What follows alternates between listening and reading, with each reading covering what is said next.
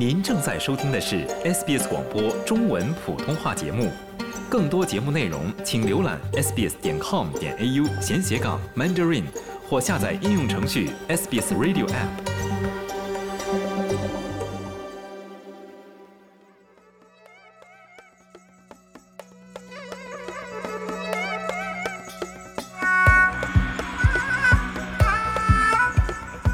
在传统的东方文化中，龙代表着至高无上的权力、顶级的尊贵，更是吉祥、力量和繁荣的代名词。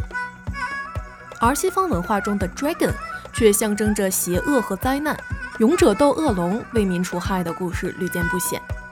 那么，为什么 dragon 这一词会成为象征富贵和崇高的中国龙的英文名呢？我们是否又该将龙的音译本名 long 还给它呢？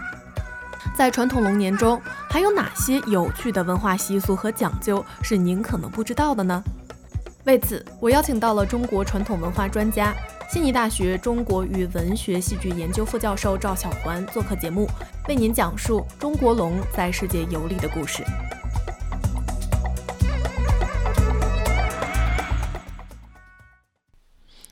我们在澳大利亚嘛，其实是一个非常多元的文化社区。那可不可以请您跟我们简述一下，在中国乃至亚洲各国，或者说海外不同地区，对于西方人来说，龙都是一个什么样的意象呢？这个，因为咱们中国的汉语呢，用“龙”这个词呢，这表示我们现在所说的那种神兽啊。嗯。这个龙啊，这个中国文化当中，这个象征着皇权，象征着尊严。象征着高贵，象征着富贵，象征着吉祥，象征着成功啊。那么这个这一点呢，这个跟西方的文化就非常非常的不同。而西方文化当中的龙，但现在我们讲的可能是不一样的一个，因为我当初的时候，我们这个西方传教士啊，他是用了这个 dragon 这个词来翻译中国的龙。但实际上，dragon 这两个实际上是 different origins, different species，它是不同的这样的一个来源，也是不同的象征。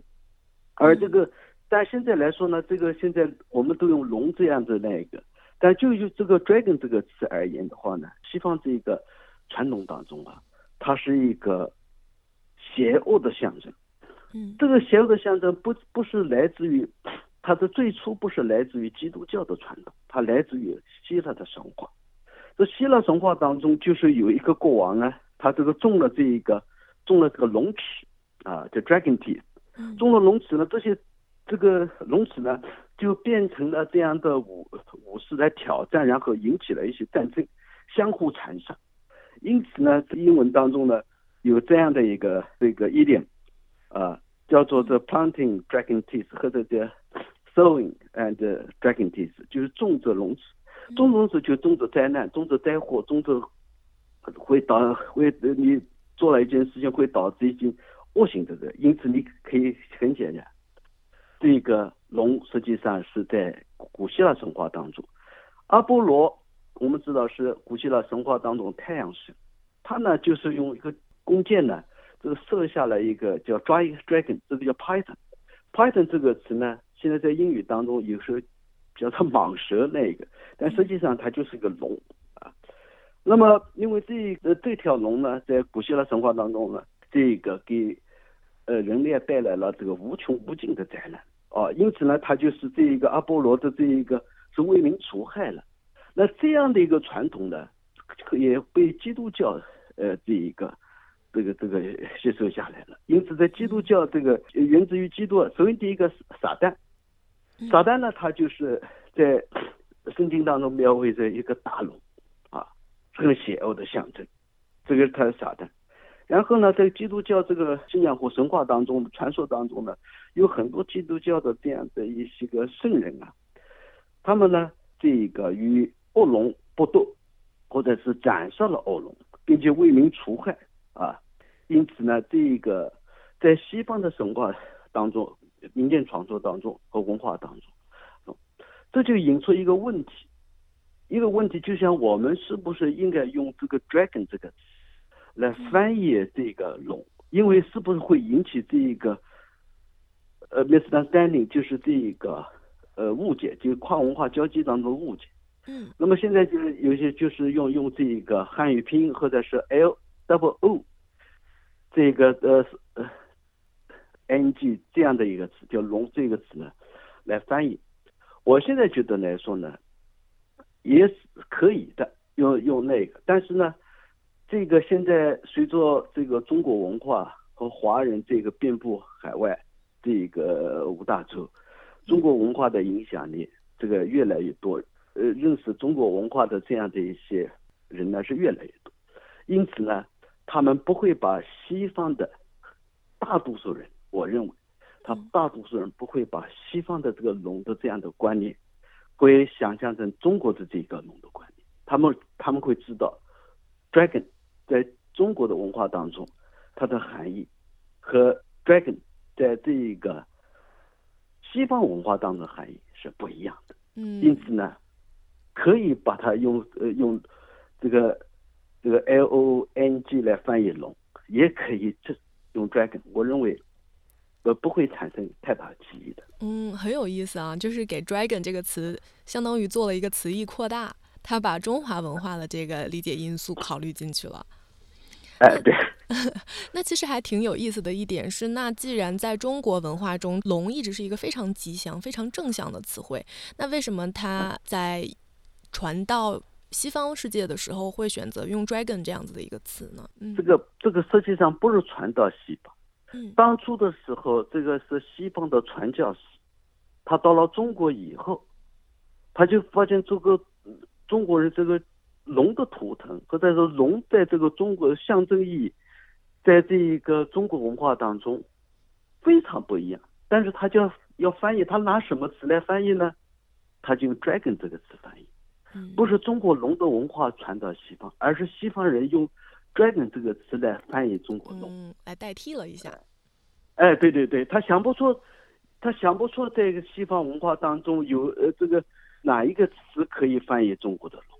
嗯但从形象上面来看呢，视觉上面有这个共通之处。嗯，明白。那既然我们聊到这个话题，也想请您来跟我们的听众朋友们分享一下，那龙年有什么样适合趁着这个好兆头做的事儿呢？做点什么可以让新的一年生活更顺利呢？然后有什么忌讳和注意事项在龙年是需要避免的呢？这个所有的文化都有一些吉祥的这样的一个 auspicious signs，或者是这种这个要忌讳的 taboos 啊。嗯我们中国文化呢也不例外。那么与这个龙和龙年相关的一些，当然，这个我接下来要说的呢是没有绝对统一的，有各个地方呢可能有大同小异啊，有甚至有一些相互抵触地方，但大体上来说呢，这个吉祥的要啊，从颜色上面来说，金色、黄色、绿色、蓝色，这是比较吉庆的颜色。因此呢，这个穿着打扮、首饰以这几种颜色，是可以给你带来喜庆，给你带来运气。那么为什么说这一个这几种颜色？那金色实际上就跟龙的这个颜色，我们叫金龙这个颜色是有相关的。那么金呢，它呢在五行当中叫金生水，金生水，水的颜色，这个水是属于什么呢？这个属于蓝啊和绿，这个呃这属于蓝。然后这个甲辰年呢，辰呢又和这五行当中木相关。这个木是和哪个颜色有挂钩呢？就是这个属属于绿色，就绿属于属木或者木属绿。那么黄色呢，也是跟这一个甲辰年这个是相关的啊。那么为什么说它这这几种颜色这种颜颜色的搭配呢？它实际上是是有这个根据的。我们讲它是根据是根据来自于什么呢？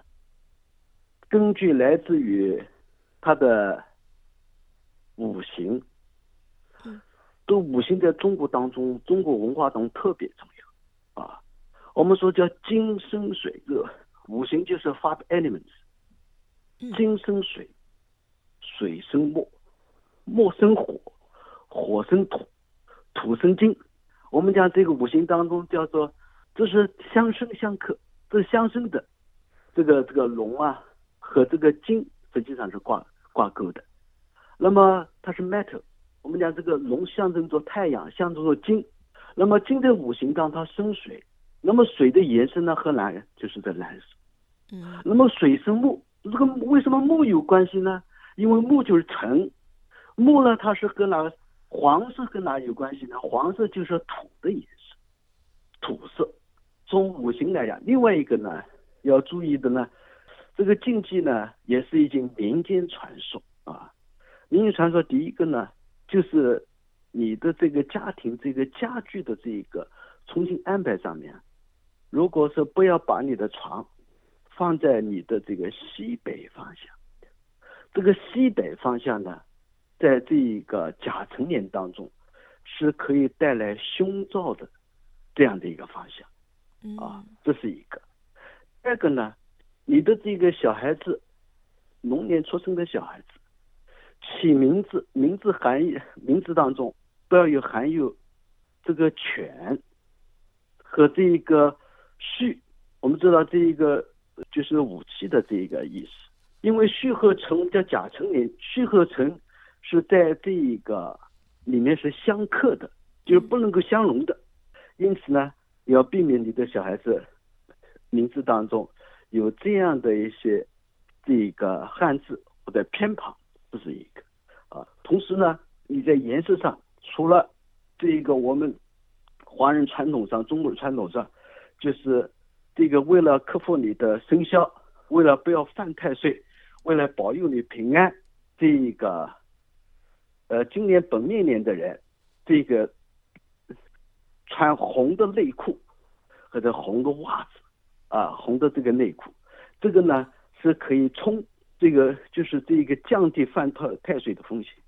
同时呢，你的首饰、穿着打扮呢，以这个金、黄、绿和蓝这些颜色呢，都给你带来可以这个让你避免这种邪气。